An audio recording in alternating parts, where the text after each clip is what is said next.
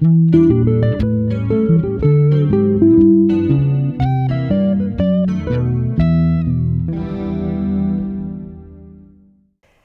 Państwa bardzo serdecznie w kolejnym odcinku Rodzinnych Manowców, a wita Was Agnieszka Helfing-Brodala. i Anna Mazurczyk. W dzisiejszym odcinku będziemy rozmawiały o em, tym, w jaki sposób e, stałe, trudne, czasem traumatyczne sytuacje e, wpływają na dziecko i w tym aspekcie takim fizjologicznym e, i w aspekcie umiejętności radzenia sobie i regulowania swoich emocji e, i tego, jak to się w przyszłości mm, odbija na, na, na naszym życiu, czy e, na takim nawet poziomie, powiedziałabym, fizycznego, fizjologicznego funkcjonowania.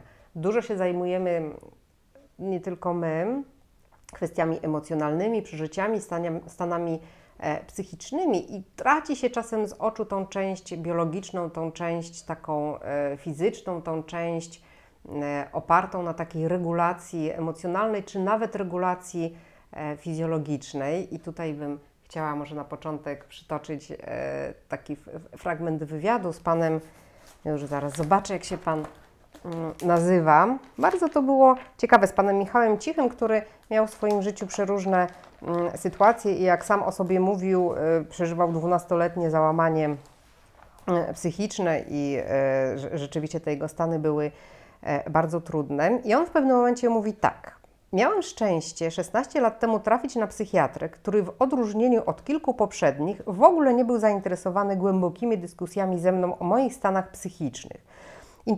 Interesowało go tylko to, ile spałem, czy się regularnie myję, czy biorę swoje rzeczy, czy przygotowuję sobie sam jedzenie, czy korzystam z jakichś gotowych posiłków. Dla mnie to był szok. Nie byłem w stanie odpowiedzieć na te pytania, bo przecież żyłem tylko pomysłami na przyszłość. Czas teraźniejszy zupełnie mnie nie interesował. I to on uratował mi życie. Czyli przytaczasz ten cytat Mhm. i ym, cały kontekst, że, Mhm. że to ciało jest bardzo ważne, żeby się też urealnić, żeby się jakoś Mhm. osadzić w rzeczywistości. żeby się urealnić i osadzić w rzeczywistości też, e, ale też mnie uderzyło to, e, jak ważne jest dbanie o te zasoby zewnętrzne, takie fizyczne czy energetyczne w postaci wyspania się, e, najedzenia, zadbania o siebie. Pamiętam też, nie wiem czy ty pamiętasz, e, to było jakieś wystąpienie e, polityka bodajże amerykańskiego, który mówił, e, zacznij dzień od pościelenia łóżka. E, Żeby skupić się na takich małych rzeczach, które fizycznie tworzą nasze zasoby, czy fizycznie nam jakby budują e, po, po troszeczku taką naszą, no nie wiem, zaplecze, czy pomagają nam się wyregulować, po to, e, żeby jeżeli będziemy, napotkamy jakąś przeszkodę, czy napotkamy jakiś stresor, mieć z czego czerpać. Człowiek, który żyje tylko w głowie swoimi pomysłami na przyszłość, tak jak ten pan tutaj opisuje, mm, ma pustą spiżarnię. Nie ma nic w tle. Tak, nie, nie, ma, nie ma jak się najeść Nie ma- swoimi tak. ideami. Mhm. Ideałami czy, czy mm, fikcyjnymi y, myślami, tak? Mhm. Ideą fix, o tak chciałam powiedzieć. Mhm. Ale też jest mowa o tym, że te e, czynności takie e, regularne, to regularne takie dbanie o siebie, mm, regularna umiejętność samoregulacji, bo w samoregulacji chodzi o to, że my czujemy, mamy kontakt ze swoimi potrzebami, ze swoim ciałem i czujemy, że jesteśmy zmęczeni, idziemy spać. Czujemy, że jesteśmy głodni, możemy zjeść. Em, Czujemy, że czegoś potrzebujemy, możemy tę potrzebę zrealizować, żeby być w stanie równowagi. Jeżeli ktoś tego nie czuje, e, no to wtedy nadmiernie się eksploatuje, a potem no to są takie sytuacje czasami maniakalno-depresyjne, tak? Czyli mocno, mocno działam, śpię po godzinę, dwie godziny dziennie, a potem w stanie wyczerpania popadam e, w niewstawanie z łóżka. I akurat tutaj była mowa o tym, że ta umiejętność takiego stałego, regularnego e, dbania o siebie e, zniwelowała te mocne amplitudy, te skoki. No, y, te skoki amplitudy, te wahania, bo Te bo z wahania, jednej strony jest tak. bardzo duża aktywność, z drugiej strony jest zero aktywności. Nie? Mhm. Okej. Mm, Jak Cię słucham, to y, myślę, że- żeby to jakoś zebrać, y, Mhm. bo- wydaje mi się, że dużo e, tematów poruszyłaś. Mm, Chciałyśmy rozmawiać trochę o traumie rozwojowej, Mhm. czyli o tym, w jaki sposób y, wchodzimy w relacje i jakie mamy konsekwencje niewchodzenia albo wchodzenia z różnymi obronami. Tak, z różnymi strategiami, różnie się na Mhm. to e, mówi.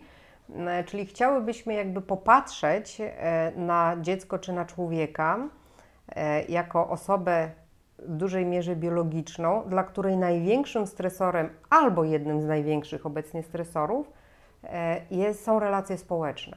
Jest to, czy mamy dobrą relację z innymi ludźmi, czy mamy dobrą relację z sobą, czy też to środowisko społeczne, czy też kontakt z innym człowiekiem e, jest dla nas e, obciążeniem, jest dla nas trudny, jest czymś, e, co nie kojarzy nam się dobrze.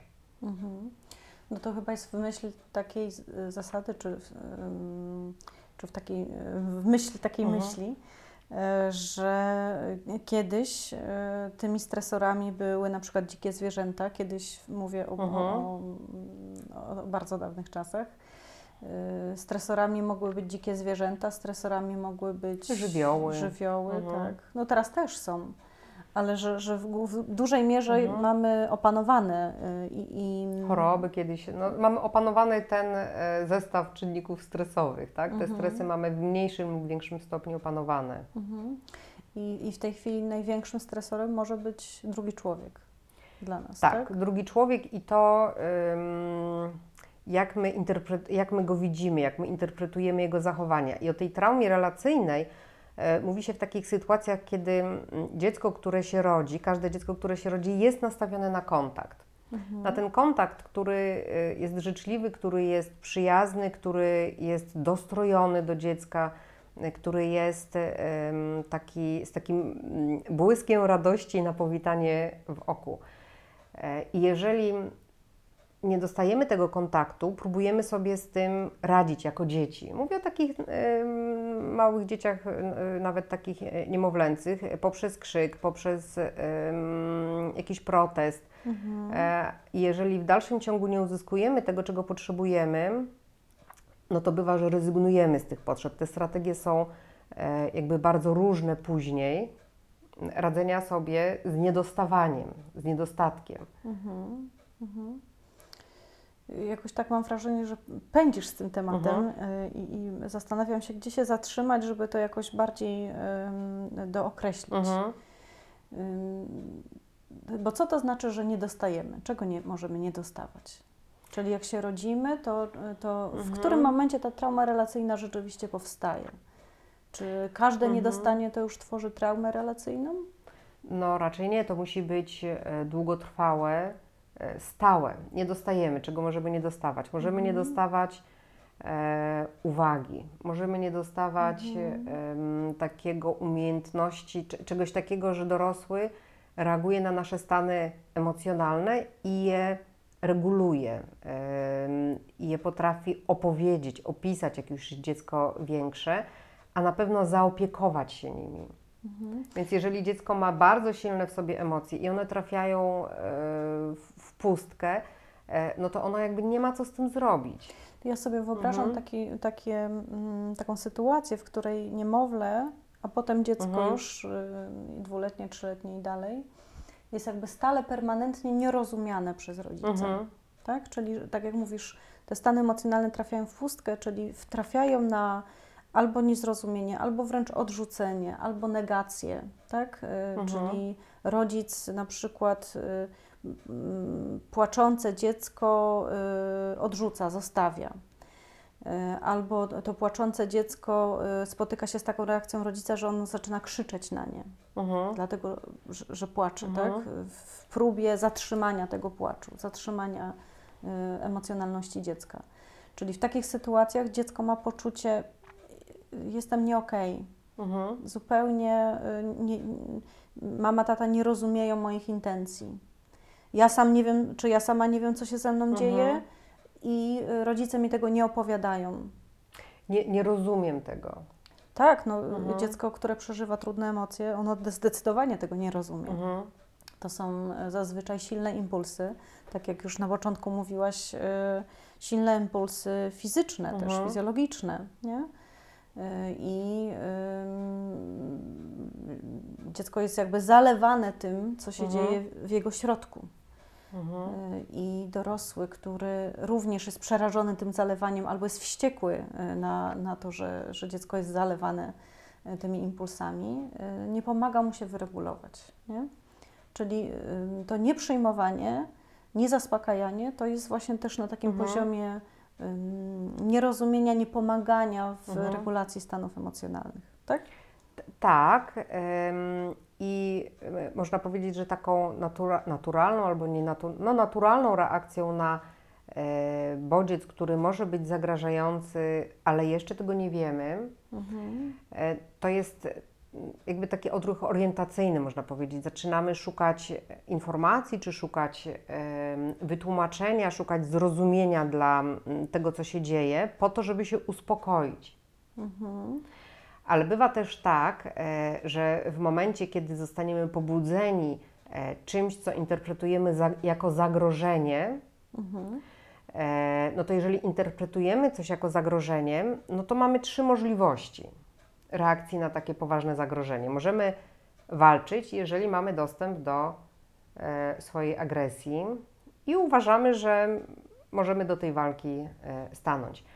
Możemy uciekać, jeżeli mamy przestrzeń do ucieczki, tak? Jeżeli Mhm. widzimy ten świat jako taki, gdzie mogę uciec, schronić się, gdzie mam jakąś szansę być, nie wiem, szybsza od tego, kto, e, kto To mnie ogóle, goni. to jest w ogóle Mhm. świetne, myślę, świetna perspektywa, bo właściwie jak mówisz, możemy uciekać wtedy, kiedy mamy przestrzeń do ucieczki, Mhm.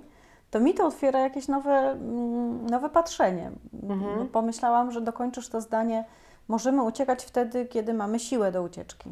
A ty A. mówisz, kiedy mamy przestrzeń do ucieczki. To jest niesamowite. No, no tak, no bo jak sobie wyobrazić człowieka, e, który jest, czy zwierzę, które jest w narożniku i naciera na nas ktoś większy i silniejszy, no to e, nie ma dokąd uciec, tak? Mhm. Nie ma którędy uciec, nie ma, e, nie ma tej przestrzeni, nie ma tego miejsca ucieczki. Psychicznie to jest tak, że ludzie uciekają fantazję, Mhm. Mhm. e, ale muszą taką przestrzeń mieć do, do, do takiego uciekania. E, Więc uciekanie, oczywiście siły też e, jakoś, musi być nadzieja chyba na to, e, że jest jakaś szansa na ucieczkę, tak? Że, że Tak. mo, może nam się udać. Mhm. E, Jeżeli nie możemy walczyć, nie możemy uciekać, e, no to jest jeszcze strategia zamrażania, czasami omdlenia, znieruchomienia, tak? Dysocjacji. Dysocjacji, Mhm. e, czyli takiego wycofania się w głąb siebie. E, I wielu badaczy mówi o tym, że ten stan takiego e, znieruchomienia, czyli nie widzę możliwości walki, nie widzę możliwości e, ucieczki, jestem zamrożony, ale to zamrożenie ono nie jest bierne, to jest zamrożenie na bardzo wysokim pobudzeniu emocjonalnym. To jest tak jakby włączyć e, gaz i hamulec na maksa jednocześnie W samochodzie. w samochodzie, tak? On jakby ruchu żadnego e, wielkiego nie wykona, ale pracuje na najwyższych obrotach przy takiej zewnętrznym em, znieruchomieniu. Mhm. I to jest strasznie wykańczające i są ludzie, którzy mm, przeżywają tak całe życie. Mhm. Takim, e, w takiej sytuacji właśnie takiego zamrożenia, czujności, wycofania się, tak jakby zużywali tylko 10-20% swoich e, możliwości życiowych, nie ruszali się z miejsca. No bo zatrzymanie y, gazu, który się produkuje y, poprzez ciśnięcie hamulca, y, Mhm. czyli na taką zewnętrzną powłokę niepokazywania tego, Mhm. no to, to jest bardzo dużo energii, nie? Mhm. Zużywa to Mhm. bardzo dużo energii, więc nic dziwnego, że potem ten człowiek w trakcie, kiedy to się dzieje, albo no, w jakichś krótkich okresach mniejszego pobudzenia, Mhm. ma tej energii dużo mniej po prostu, nie? Tak, na jakąkolwiek reakcję czy na jakiekolwiek działanie. Tak, na I życie. są, tak, i na życie. Mhm. I, I to są ludzie, którzy są ym, często w stanie takiego ciągłego poczucia zagrożenia. Em, świat widzą jako pełen e, sytuacji, które mogą nam zaszkodzić, Mhm. które mogą nam zagrozić. E, ludzi widzimy wtedy jako takich, którzy nas odrzucają, którzy nas krytykują, którzy w jakiś sposób nas ranią. Mhm. I lepiej jest w ogóle e, do tego świata nie wchodzić, tylko e, siedzieć w tym swoim azylu i zużywać jak najmniej energii. Mhm. Taka wersja przetrwalnikowa. No tak, to mi to się Mhm. kojarzy z tą pozycją paranoidalno-schizoidalną. Mhm. w jakby rozumieniu analityków, czyli przeżywam świat jako stałe zagrożenie Mhm. I widzę wiele osób Mhm. i wiele działań jako przeciwko mnie. Tak? Wiele, no w zasadzie większość. Mhm. No tak. Mhm. Ja, jako przeciwko mnie całe zło jest na zewnątrz, całe dobro jest w środku, jest się niewinną e, ofiarą. Tylko myślę, że te, ten stan zamrożenia to nie, nie musi mieć aż takiego przebiegu, bo w przypadku e, dzieci to jest bardziej przeżywane poczucia winy, poczucie nieadekwatności, bycia niewystarczającym. Bycia nie okej. bycia nie okej, więc nie ma co wchodzić w świat, kiedy się jest tak bardzo e, beznadziejnym, bo nigdy się nie doświadczyło tego, że ten świat się cieszy na nas widok, na nasz widok. Mhm. Więc to nie, nie musi być aż takie e, pa, paranoidalne. Tak, tak. No ja, ja Mhm. mówię to jako jakimś kawałku, który też może, też możemy tam Mhm. jakby zawędrować, nie? Też możemy w taki Mhm. sposób, ale to się Mhm. też jakoś tworzy, żeby rzeczywiście ym, mieć taką wizję świata, y, taką, że każdy nam zagraża, no to y, musiało, musiało być tych doświadczeń mnóstwo właściwie stale. Mu, musiało być mnóstwo doświadczeń, ale też myślę sobie, że musiał być świat tak opowiadany No, no tak, dlatego mówię, przez że... dorosłych inny, no tak, przez dorosłych. Tak, ty, tych Mhm. doświadczeń, y, Mhm. patrzenia na ważną osobę, która tak w taki sposób ten świat przedstawia. Mhm. To o to mi chodziło mówiąc. Mm, Myślę też o tym, że jakby w opozycji e, do takiej reakcji czy takiego stylu e, radzenia sobie e, jest styl polegający na takim odruchu orientacyjnym. I to jest styl, który może być uruchomiony wtedy, kiedy czujemy się w miarę bezpiecznie. Mhm. Ale to jest bardzo zdrowy styl radzenia sobie. Co to znaczy ten styl orientacyjny? To znaczy, że to, to jest taka sytuacja, jak mają małe dzieci, które są mm, jakby z, zasadniczo bezpieczne i zadowolone ze swojego e, życia i one jakby wsz- wszystkim, czego doświadczają, się ciekawią, Mhm. interesują, dopytują, sprawdzają, e, badają. E, I im więcej takich informacji nabywanych w sposób bezpieczny, tym łatwiejsze nasze jakby funkcjonowanie w świecie, bo więcej rozumiemy. Mhm. Jak, Czyli to jest taka Mhm. postawa zaciekawienia wobec świata. Tak, ale Mhm. to y, jakby te dwie postawy można powiedzieć się wykluczają No tak, nie można Mhm. bać się świata. To znaczy, może na w takim. różnych obszarach można sobie tak albo tak zrobić też. Tak, ale no ja sobie Mhm. wyobrażam, że jest taka możliwość, że jestem zaniepokojona i trochę się boję tego nowego, ale ciekawość jednak przewa- prze- mm, przeważa i ja jednak w to idę. No to to jest dla mnie, to to jest e, no właśnie takie e, zdrowy odruch orientacyjny. Mhm. Bo jeżeli ktoś jest w stanie walki, ucieczki albo zamrożenia, to w ogóle nie ma przestrzeni na takie myślenie. No nie ma, tak. Kora nowa jest odcięta właściwie Jest i tak. jesteśmy w, Mhm. w niższych partiach mózgu. Też myślę sobie o tym, mm, jak jeszcze pracowałam metodą integracji sensorycznej, że na przykład dzieci, które są nadwrażliwe na dotyk, Mhm. e, czy na dźwięk, one mają taki silny mechanizm generalizacji, czyli każdy dźwięk czy każdy dotyk jest zagrażający. Mhm. I to, czego się uczy te dzieci, to różnicowania, czyli że jest taki dotyk i jest taki dotyk i jeszcze jest taki dotyk. Okej. E, że ten świat jest bogaty w różnorodny sposób dotykania i niekoniecznie każdy z nich jest awersyjny. Mhm. E, jakby I to po- powoduje, że mamy e, bardziej zróżnicowany obraz świata i więcej możemy jakby rozumieć, co się z nami dzieje. E, Że tylko du- duża ilość, na przykład duże przeładowanie bodźcami powoduje w nas chęć e, ucieczki, ale że pewnego rodzaju bodźce, które rozumiemy i które już znamy z doświadczenia, możemy przyjąć, możemy się do tego przystosować. Czyli ja też rozumiem, że Mhm. trochę się poszerza te zdolności interpretacji Tak. świata, Mhm. właśnie tych różnych dotyków, tego, co jest zagrażające, Mhm. a co nie jest zagrażające. Nie? Jakoś mam takie Mhm. poczucie, że, że dosyć odleciałyśmy, czy zaczęłyśmy rozmawiać Aha. o, y, o teorii. I, i, I fajnie, że mówisz o tej integracji i o Mhm. y, Konkrecie. O konkrecie, bo, bo chciałabym, żebyśmy Mhm. to ściągnęły jednak do konkretu. Mhm. Y, Jak, to... jak to się może zwykłym ludziom przydać? Tak. Zwykłym nam też, Nam bo przecież nie cały czas będziemy w tej naszej głowie, nie? Mhm. Mm. Jak to się może przydać? My- Myślę, że w taki e, prosty sposób, jakby e, jeżeli będziemy w sobie wzmacniać, ale też budować u swoich, nie wiem, dzieci czy podopiecznych taki styl oparty na e, próbie zrozumienia o co chodzi, ale takim zrozumienia takim właśnie nieobciążonym, czyli nie szukam potwierdzenia dla swojej teorii, tylko zastanawiam się, No dobrze, ale skąd to się wzięło? Y, Jak to się, jak to się stało? Dlaczego tak się czuję? Albo dlaczego ty się tak czujesz? Dlaczego się tak e, zachowaliśmy? Co nas zestresowało? Jak to po kolei szło e, w ciągu dnia na przykład, tak?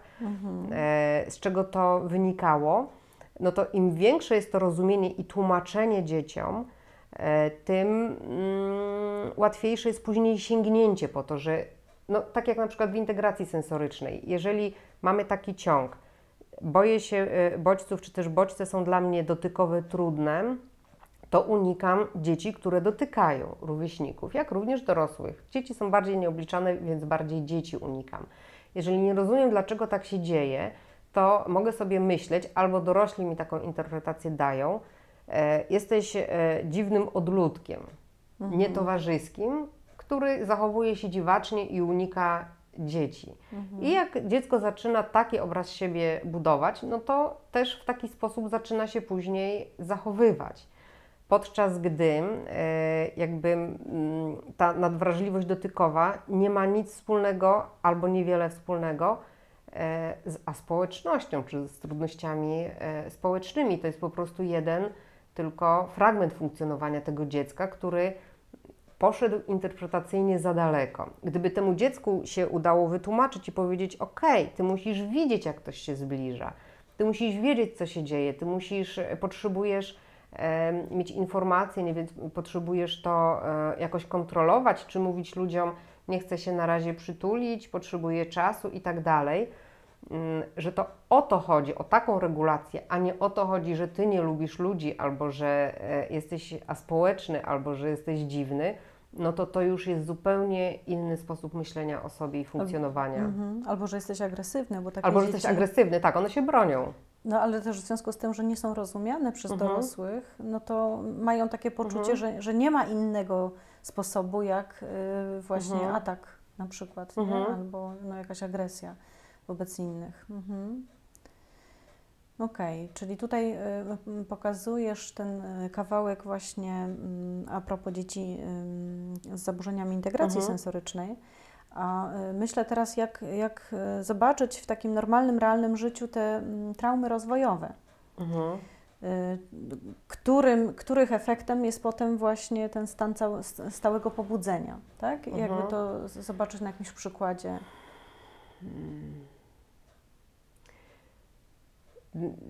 Znaczy, y, chodzi Ci o to, jak do tej traumy dochodzi? Mm, Nie, nie, bar- nie, nie właściwie nie jak dochodzi do Mhm. tej traumy, chociaż może to się łączy ze Mhm. sobą. y, Tylko, że- żebyśmy podały przykład, ja, ja też myślę, Mhm, tym mhm. też zrzucam na Ciebie, ale coś, dzisiaj jesteś tak szybka, że nie nadążam za Tobą. Mm, y, Jaki, jak się objawia Mhm. może mm, w takim codziennym życiu trauma relacyjna? Y, Czyli jak już rzeczywiście Mhm. doświadczyliśmy traumy relacyjnej, co właściwie jak byłyśmy razem na kursie, Mhm. a Ty teraz go rozwijasz Mhm. o traumie relacyjnej, mm, no to się okazuje, że każdy z nas ma jakiś kawałek No traumy relacyjnej, nie? Tak jak każdy z nas e, ma większość elementów, e, które są wymienione w, zaburzeniach psychicznych, tak? Jakieś kawałki w sobie znajduje. Tak, tak. Mhm.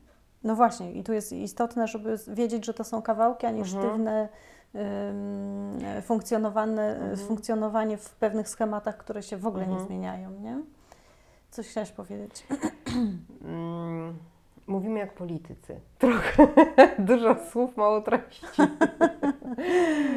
E, Zastanawiam się, te, em, te, Co byśmy chciały Tak, powiedzieć? co byśmy chciały powiedzieć, no bo mówisz, jak na co dzień, jak w życiu y, domowym wy, wygląda, czy objawia się trauma relacyjna, tak? Tak, na co ma wpływ? Nie? Na Bo- co ma wpływ? Mhm. No, trauma relacyjna no to e, jest jakiś rodzaj zaburzenia kontaktu. O, właśnie. Zaburzenia kontaktu e, z drugim człowiekiem i zaburzenia kontaktu z sobą. Mhm. Czyli em, nie potrafię odczytać swoich potrzeb e, i no nie wiem, jakichś stanów emocjonalnych. Nie potrafię się wyregulować, czyli na przykład ukoić. Mhm. E, nie potrafię z ufnością jakby wejść w relację z drugim człowiekiem, tylko ta relacja zawsze jest taka trochę jakby na, na, na, nastroszona, przynajmniej na początku. Nie potrafię odpoczywać. Nie potrafię odpoczywać. Tak. Nie potrafię odpoczywać, to jest ciekawe, nie potrafię odpoczywać w relacji z drugim człowiekiem. Mhm. Czyli blisko drugiego człowieka jestem właściwie stale napięta. Tak, jestem jak na, na froncie. Mhm. Chciałam powiedzieć jak na granicy.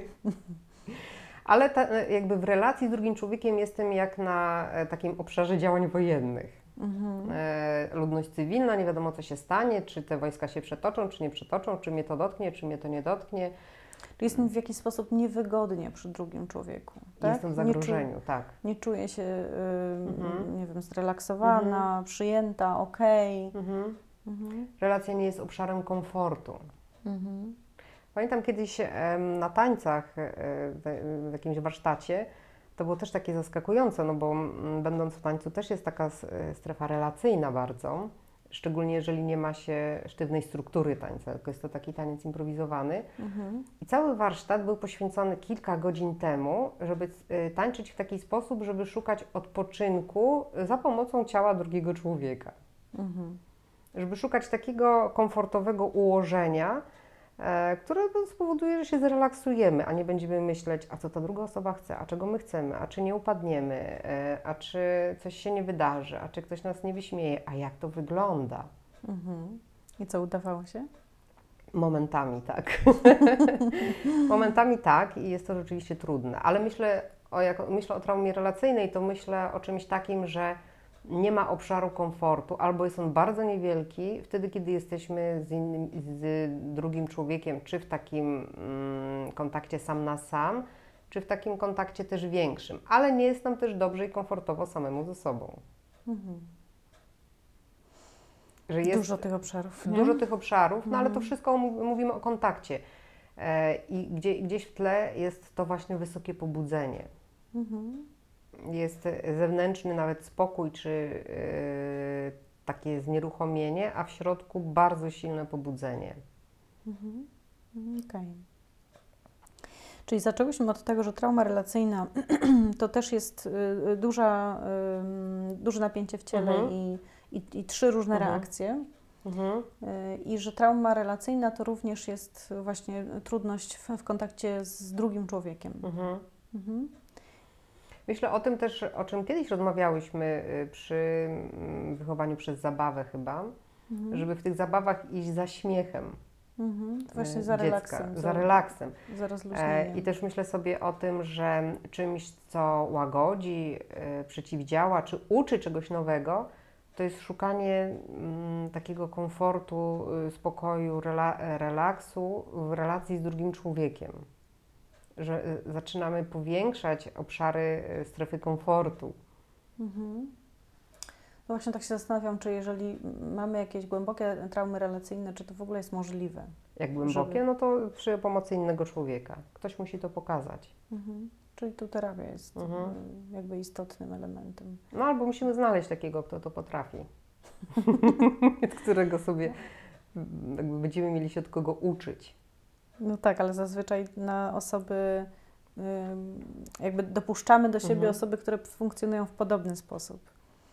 Nie? Y, Jak uciekamy, to się łączymy z innym uciekinierem. Tak, że przyciągamy Mhm. osoby, które albo komplementarnie Mhm. nas y, uzupełniają, albo funkcjonują Mhm. właśnie w taki sam sposób jak, jak my, więc m- może nie być to takie łatwe, żeby uczyć się tak w ciągu życia y, na co dzień od drugiej osoby, bo prawdopodobnie żyjemy z ludźmi, którzy są podobni. Podobni, albo Mhm. widzimy, e, jesteśmy nastawieni na odbiór e, tego, co potwierdza nasz e, sposób widzenia Tak. świata, czyli nie potrafimy przyjąć osób spokojnych i zrelaksowanych, bo się od razu denerwujemy. Na przykład, tak, że są zbyt Mhm. powolne, albo za Tak, mało myślą, tak, za tak, mało tak. kontrolują, Mhm. albo wymykają się naszej kontroli. Coś w tym jest, bo sobie przypomniałam, że strasznie się złościłam kiedyś na e, takie treningi wizualizacji relaksacyjnej. Po prostu nie mogłam tego znieść. Ale eksperymentowałam z kolegą i okazało się, że jak te same treści, czyli leżysz na plaży, idziesz po łące i tak dalej, były wypowiedziane tonem stanowczym, to ja od razu się relaksowałam. Czyli ty potrzebowałaś dyrektywnego autorytetu, że- który żadna- powie tak. tu, tu, tu i tu. Tak, tak, tak, tak. Mhm. Żadne tam takie właśnie, jest takie, mhm, taki y, 200% lukru w lukrze, to, to po prostu nie. Nie, nie, nie, to nie to. Pamiętam, że mówiłaś o jakichś cytatach, które też... Yy, E, Właściwie o tych wszystkich cytatach to już e, po, powiedziałyśmy sobie. No miałam cytat e, z gazety, który jakoś tak mnie poruszył mhm. tym, tym swoim takim wymiarem Realizmem, fizycznym, tak. takim, takim realizmem. Mhm. Więc jak myślę sobie o budowaniu bezpieczeństwa, to e, myślę sobie o tych rzeczach takich regularnych, które się robi, ale też, e, no bo pytanie było też, co zrobić, jeżeli ma się to w środku takie duże napięcie, gdzie nie czujemy się bezpieczni. Pamiętam też kiedyś taki e, wykład, w którym pani opowiadała o tym, że jeżeli pracujemy nad swoim poczuciem bezpieczeństwa i chcemy zmienić jakiś sposób percepcji, to dobrze jest wykonać taką pracę, żeby mm, jak najczęściej szukać takich elementów rzeczywistości, które są bezpieczne, nawet bardzo prostych. Mhm. Czyli siedzę w budynku, y, który, y, nie wiem, ma dach, ma solidną konstrukcję żelbetonową, e, który prawdopodobnie się nie zawali, jakoś mamy takie, takie przekonanie. E, Idę, wsiadam do samochodu, który zawsze mm, jakby dojeżdżał y, tam, gdzie trzeba, tak jakby nigdy nie wydarzyło się coś niebezpiecznego. Że ten świat ma też mnóstwo informacji o tym, że jest bezpiecznie Mhm. i żeby na nie się nastawiać i je e, wyłapywać, zamiast takiego boksowania się ciągle z wyszukiwaniem zagrożeń. Mhm. Czyli to takie zakotwiczenie. Mhm. Jak opowiadasz o tym, to przypomina mi się mm, też taka metoda ym, terapii traumy, Mhm.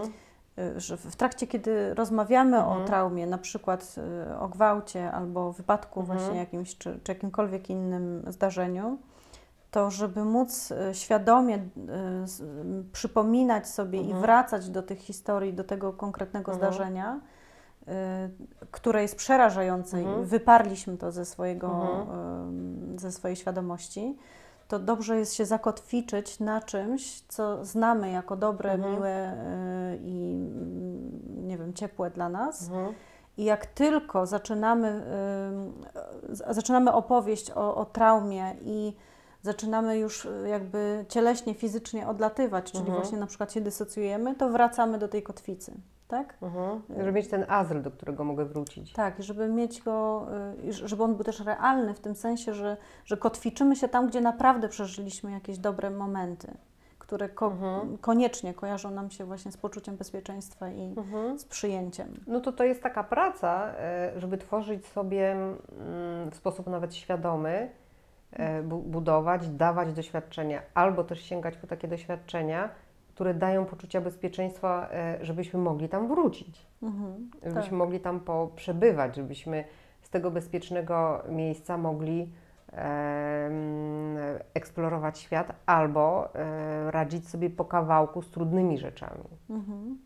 Tak pomyślałam, że to jest takie mm, wracanie albo tworzenie sobie w umyśle takiego miejsca jak łono mamy, które Mhm. jest bezpieczne. Zazwyczaj jest bezpieczne, no bo rzeczywiście czasami się zdarza, że nie jest, ale, ale w dużej mierze jednak jest bezpieczne, czyli być może, że mamy w umyśle taki, taką tęsknotę do tego, żeby, żeby kiedyś Mhm. tam wrócić, żeby być tak zjednoczonym z kimś, Mhm. żeby y, w- pełni się, nie wiem, połączyć z tą osobą, nie? Że, że czuć się otulonym zewsząd.